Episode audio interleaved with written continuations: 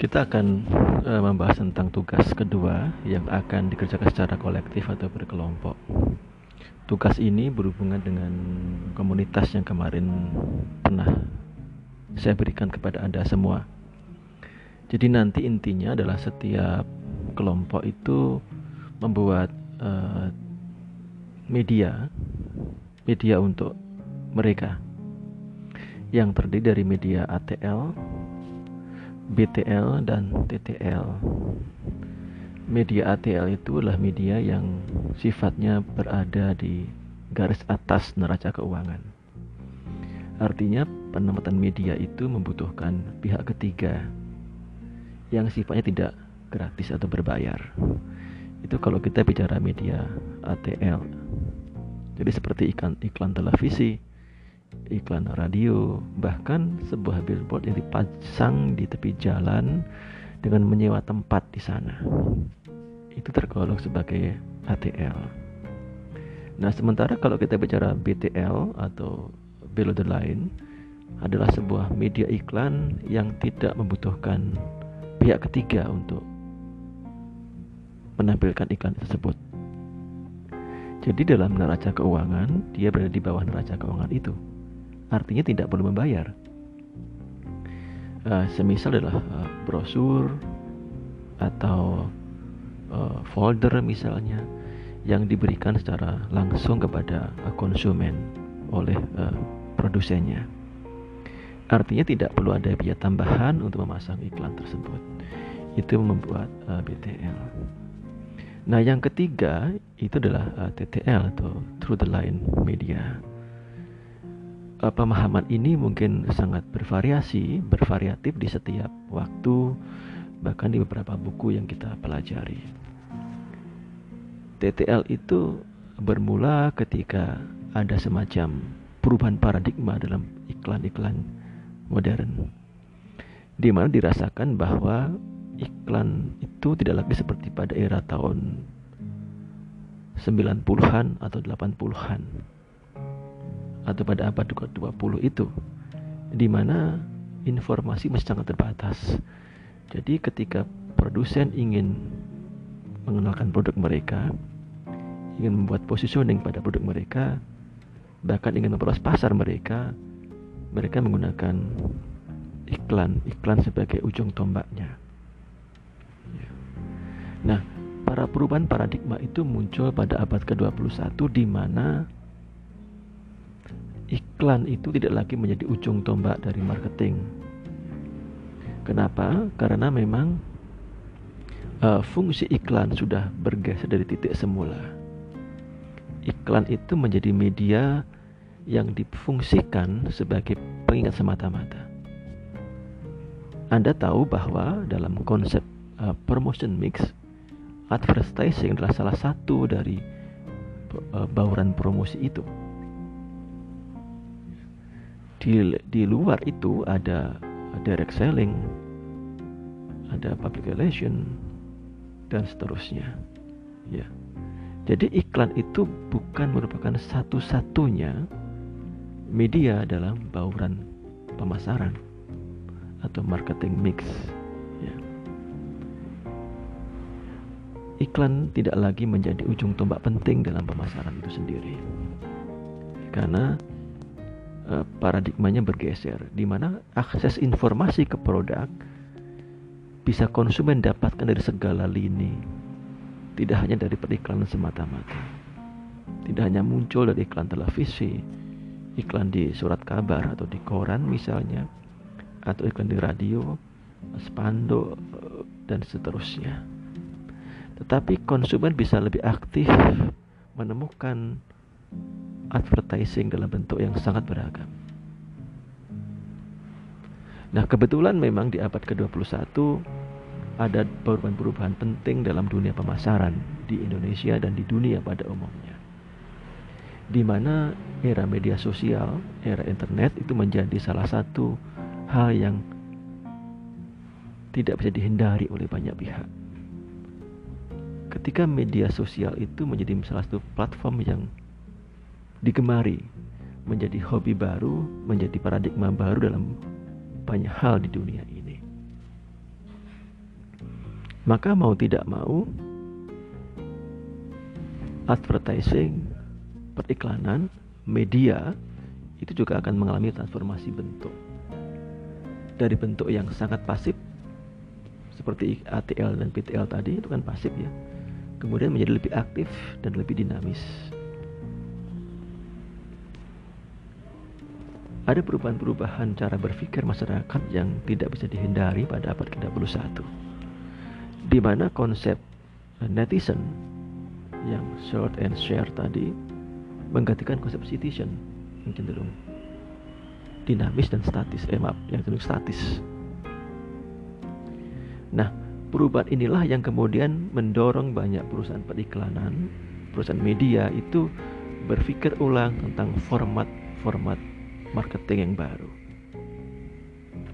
salah satu ide yang dimunculkan adalah media TTL itu apa itu media TTL? Jadi kalau kita bicara ATL BTL itu hanya terpisahkan oleh garis neraca keuangan yang berada di atas garis dan di bawah garis. Nah, TTL itu pada garis itu. Artinya mereka bisa berbayar, bisa juga tidak berbayar. Bisa menjadi sangat pasif dan bisa sangat agresif. Maka sering disampaikan di banyak pihak bahwa TTL itu sama dengan iklan di media sosial. Apakah mesti benar? Tidak mesti benar sebetulnya, walaupun tidak selalu salah, tidak mutlak salah. Ya.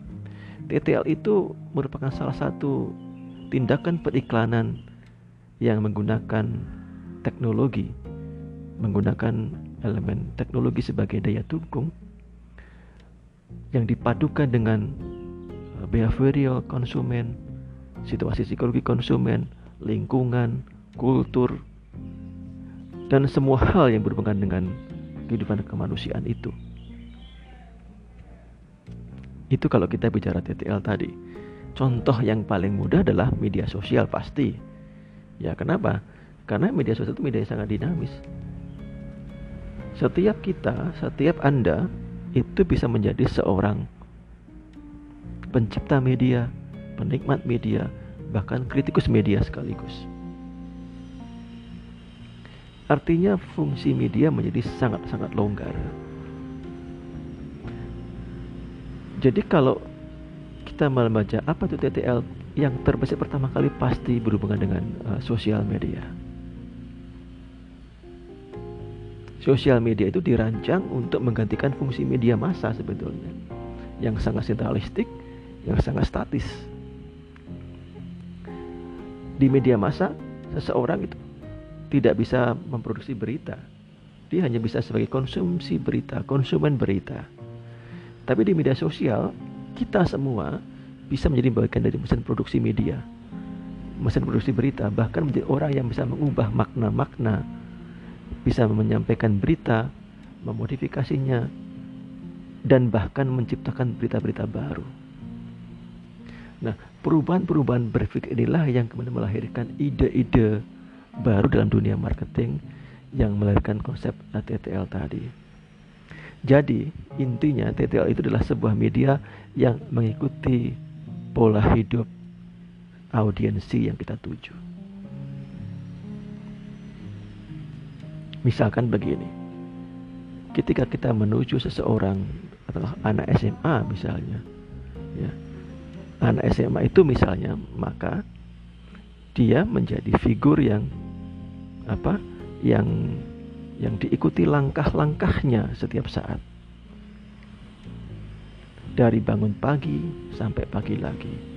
Dari awal minggu sampai akhir minggu dan itu bergulir terus menerus tingkah laku anak SMA itulah yang kita lihat sebagai segmentasi yang sangat jelas bagaimana cara mereka bersikap ke mana mereka pergi akhir pekan, apa yang mereka makan, jenis makan apa yang digunakan dan sebagainya. Jadi konsep TTL itu tidak mutlak hanya di media sosial semata-mata. Jadi saya mengatakan ketika kita tahu aktivitas anak SMA tersebut, ke mana dia pergi, apa yang dia makan, merek apa yang dia gunakan, bagaimana dia menghabiskan waktu dan uang jajannya, maka media yang kita pakai ikuti ke mana pun dia pergi. Katakanlah begini, misalnya setiap pagi dia membuka uh, uh, WA misalkan, atau membuka aplikasi-aplikasi di Android, maka produsen akan memasang iklan di Android itu. Si anak ini kemudian dia uh, mungkin sempat satu waktu atau dua nggak lama barangkali setengah jam menonton televisi misalnya begitu. Maka kita pasang iklan di televisi itu. Kemudian selain dia pergi ke sekolah mungkin naik gojek atau mungkin bawa sepeda. Oh, oke okay, dia naik media online misalnya. Maka kita pasang di online tadi. Mungkin di punggungnya di helmnya tukang gojek tadi atau mungkin di sepeda tukang gojek tadi. Dan seterusnya. Kemudian dia pulang sekolah dia harus mampir dulu ke uh, kop, uh, beli kopi misalkan. Di warung kopi macam apa yang dia masukin. Kita pasang iklan di sana di warung kopi itu. Itulah salah satu eh, contoh bagaimana TTL itu dilakukan ketika dia pasang di medsos tentu tidak perlu bayar tapi ketika pasang di warung kopi di helmnya tukang gojek dan sebagainya maka perlu membayar jadi paradigmanya bukan lagi soal apakah ini free atau berbayar, tapi bagaimana konsep ini dilakukan, diwujudkan mengikuti alur dari konsumen tadi. Itulah konsep TTL. Itu yang pertama.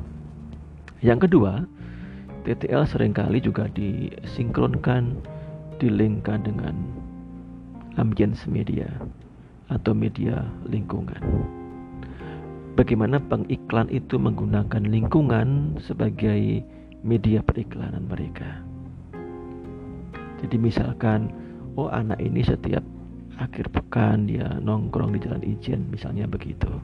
Di situ ada bangku, ada pohon, mungkin ada trotoar.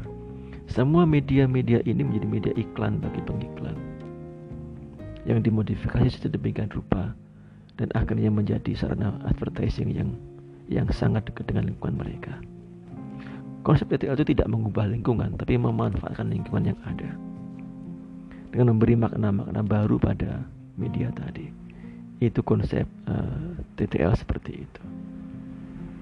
Jadi tugas Anda nanti adalah satu menciptakan media ATL, satu media TTL dan satu media BTL.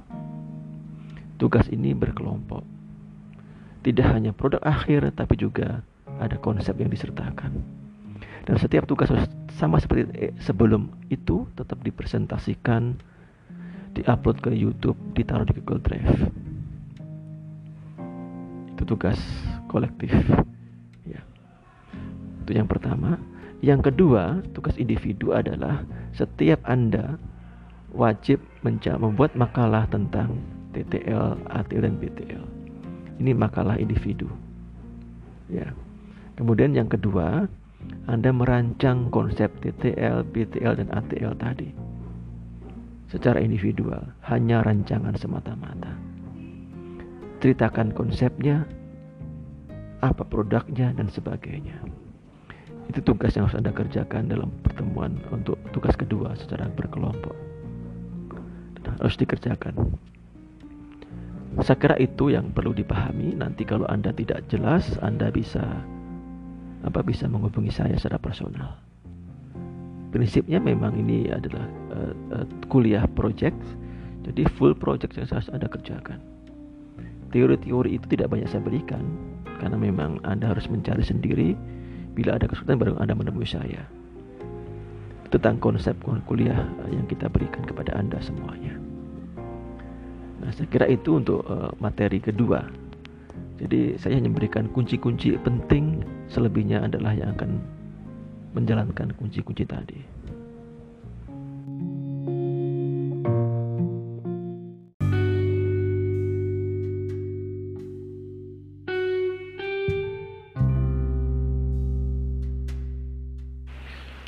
Hari ini kita akan membahas tentang konsep media yaitu ambience media atau media berbasis lingkungan.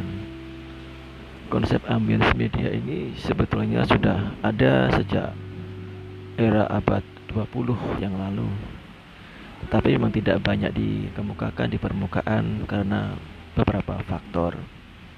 MS Media sebetulnya dilahirkan dari konsep uh, menggunakan lingkungan sebagai tolok ukur menciptakan sebuah media yang kreatif dan inovatif.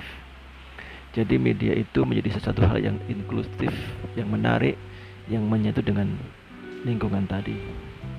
Konsep ini sebetulnya mengadopsi konsep uh, seni instalasi yang sering kita lihat dalam seni rupa, di mana sebuah karya seni tidak berjarak dengan penontonnya. Konsep Amens Media juga seperti itu, di mana media, lingkungan, dan audiens itu menjadi satu kesatuan yang tidak terpisahkan.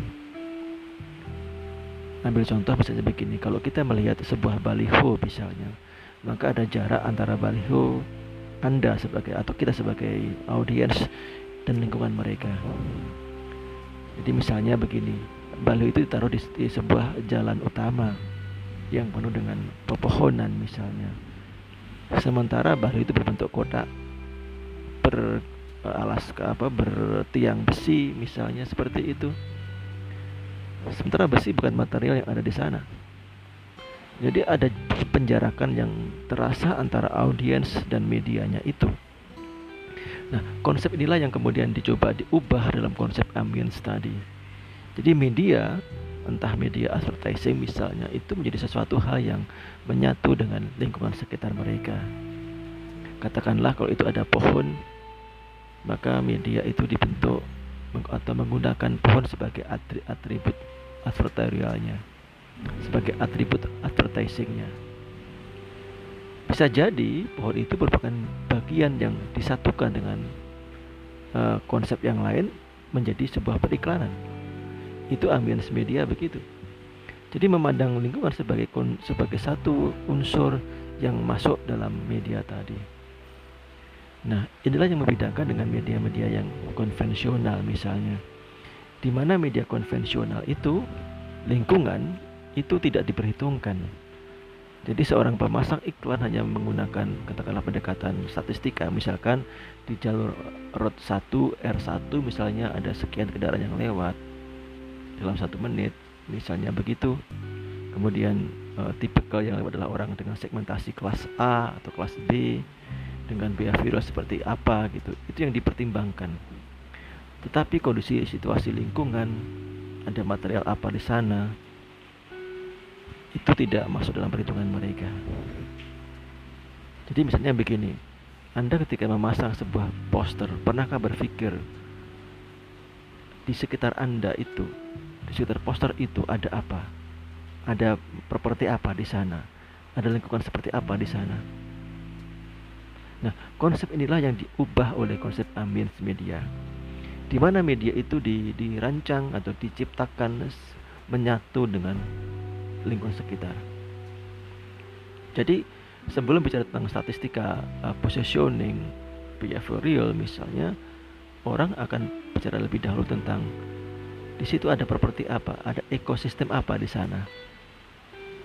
Misalnya di kawasan tertentu ada pohon, misalkan pohon palem, ada trotoar, ada bangku-bangku taman. Nah, pohon palem, bangku taman, trotoar yang lebar, anggap kita jalan ijen misalnya begitu. Apakah yang bisa Anda manfaatkan uh, pohon tadi, trotoar tadi, atau mungkin bangku-bangku tadi sebagai media advertising, sebagai media iklan tanpa mengubah fungsinya sama sekali, tanpa mengubah perannya sebagai elemen estetika kota. Ya. Bagaimana cara Anda misalkan melihat bangku itu sebagai elemen estetik, elemen advertising tanpa menghilangkan fungsi bangku tadi. Kita hanya menambahi, menambahkan unsur tertentu misalnya. Tanpa mengubah fungsinya, tanpa mengubah keperuntukannya. Itulah konsep ambien seperti itu.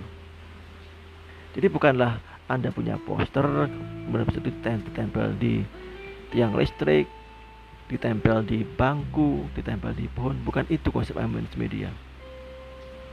Anda punya brosur ditempel di pohon palem itu iklan BTL periode lain ya tetapi bukan ambience media gitu ya Jadi dipahami situ kan. Semoga semoga konsep ini bisa bisa menggerakkan kita bahwa lingkungan environmental itu merupakan bagian yang tidak terpisahkan dari konsep iklan secara keseluruhan.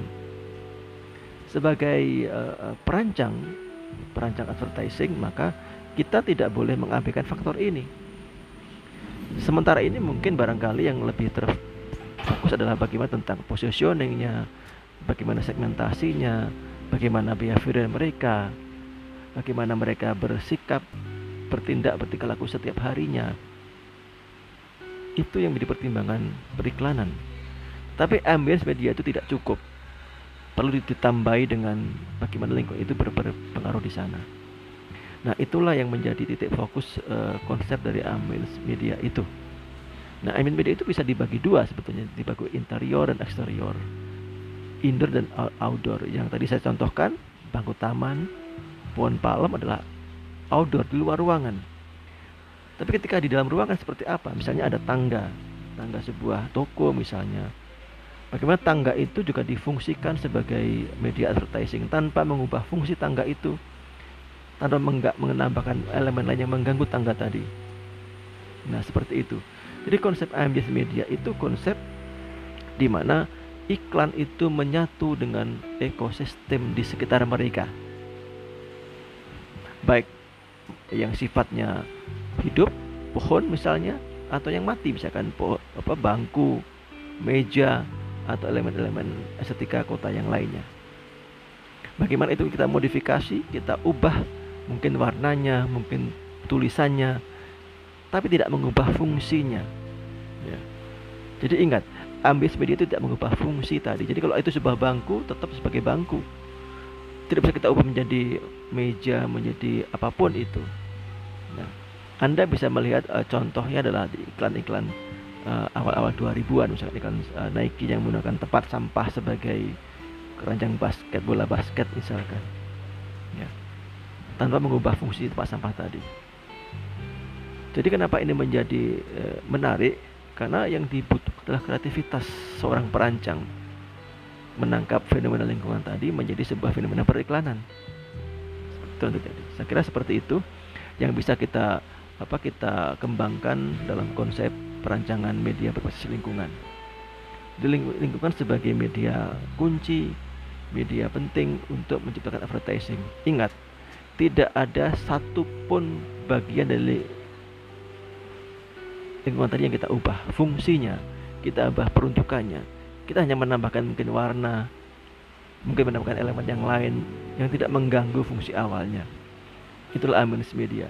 Tentu dalam perang ambience media itu kita harus mempertimbangkan siapa target market kita. Bagaimana mereka ber di mana mereka berada. Misalnya contohnya beginilah. Anda ingin menyasar seorang anak SMP misalnya begitu. Anda harus tahu ke mana mereka pergi di mana mereka berhenti untuk main misalkan. Maka di situlah kita pasang elemen media tadi. Jadi harus tetap harus memperhatikan beberapa konsep dalam periklanan yang normal di mana bahwa iklan itu merupakan bagian tidak terpisahkan dari uh, namanya pemas apa, uh, uh, uh, uh, marketing ya. Jadi bauran pemasaran itu di dalamnya ada bauran promosi atau promotion mix di mana promotion mix itu merupakan bagian penting daripada marketing mix. Dan advertising iklan adalah bagian daripada promotion mix. Jadi apa pun bentuk iklan yang kita sediakan entah itu ambis media entah itu media konvensional semuanya bermuara pada advertising dan bermuara kepada marketing. Jadi tidak boleh lepas dari konsep-konsep tadi. Itu yang paling penting dalam konsep advertising dalam kondisi ambil media jadi ketika kita belum memahami itu silahkan dicari referensinya. Segera anda bisa banyak mencari menemukan itu. Saya kira begitu ya untuk apa pengantar penting tentang ambience media.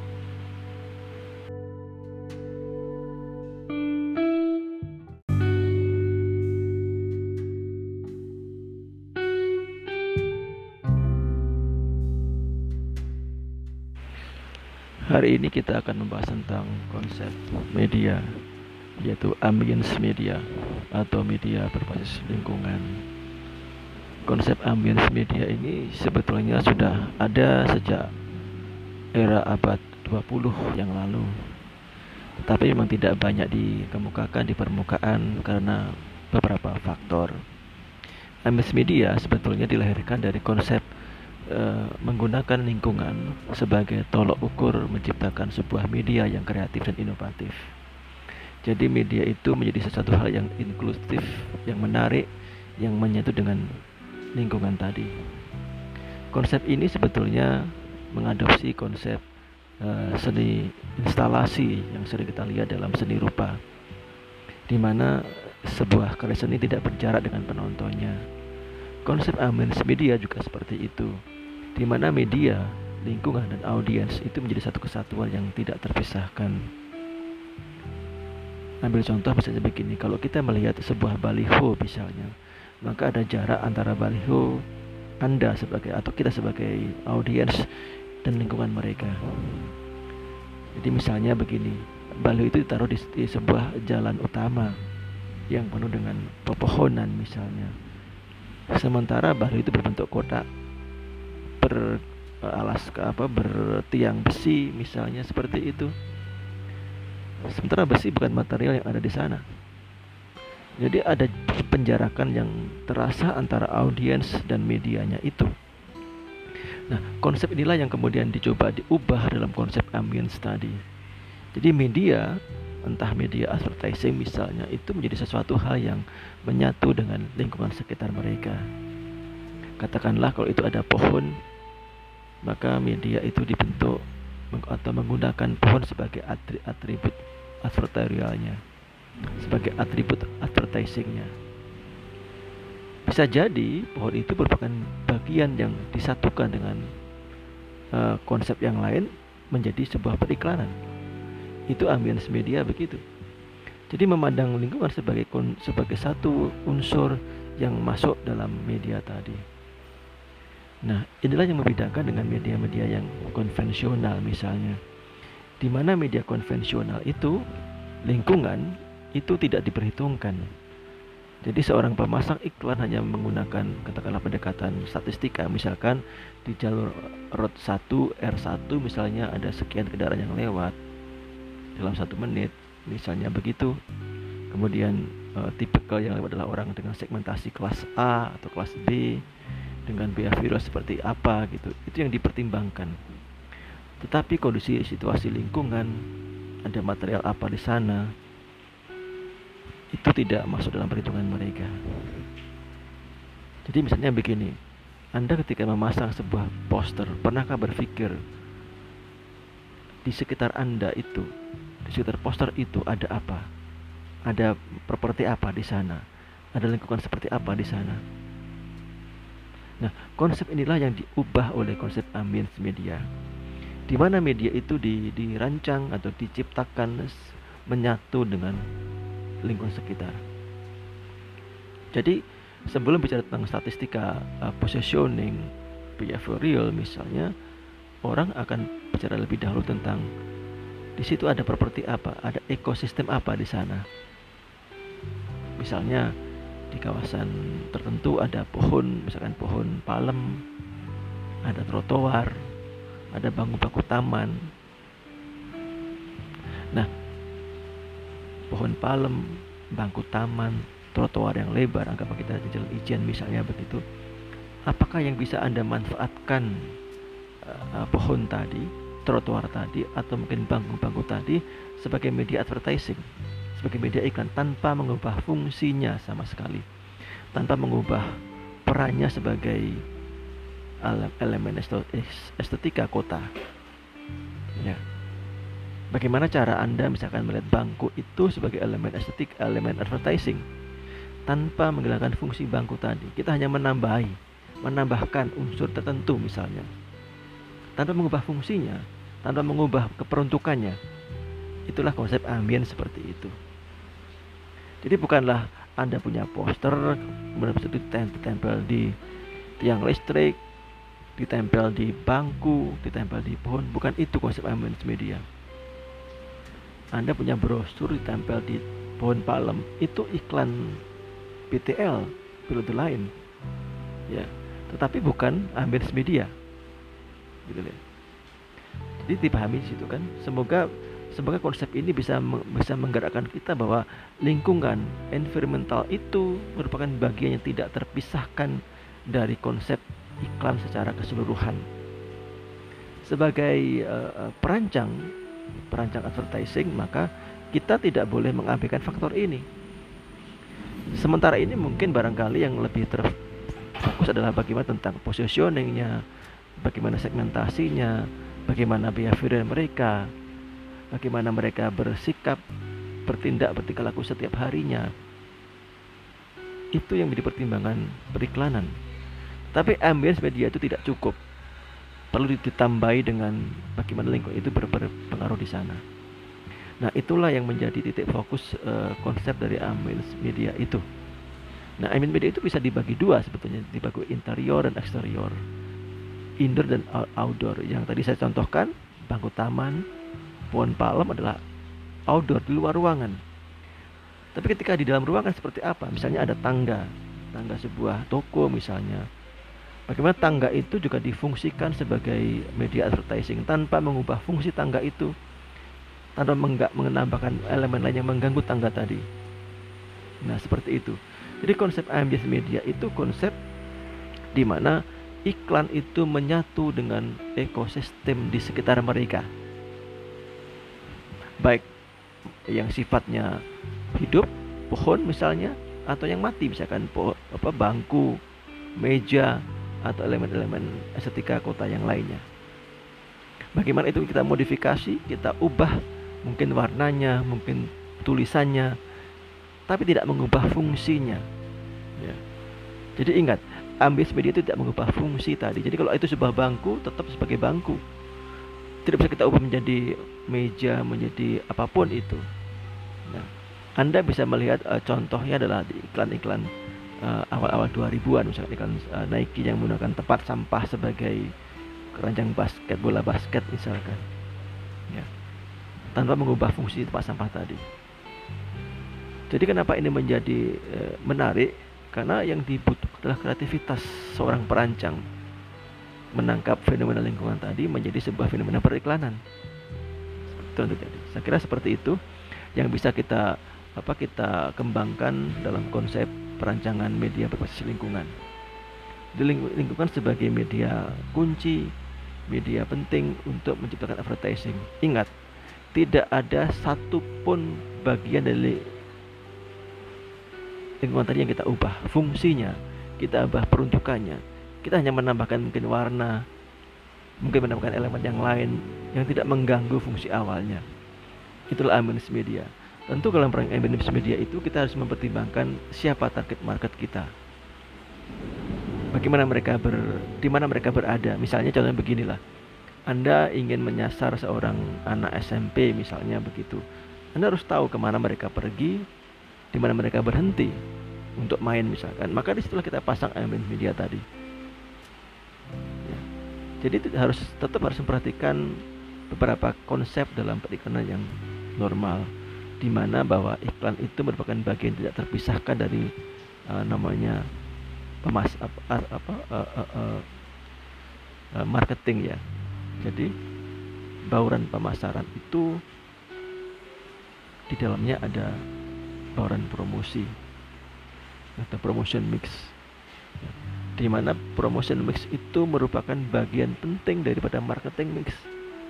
Dan advertising iklan adalah bagian daripada promotion mix.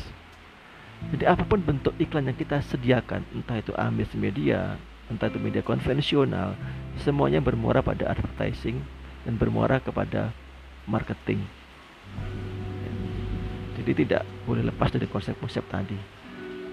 Itu yang paling penting dalam konsep advertising dalam kondisi ambil media. Jadi ketika kita belum memahami itu silahkan dicari referensinya. Segera Anda bisa banyak mencari menemukan itu. Kira begitu ya untuk apa pengantar penting tentang ambience media.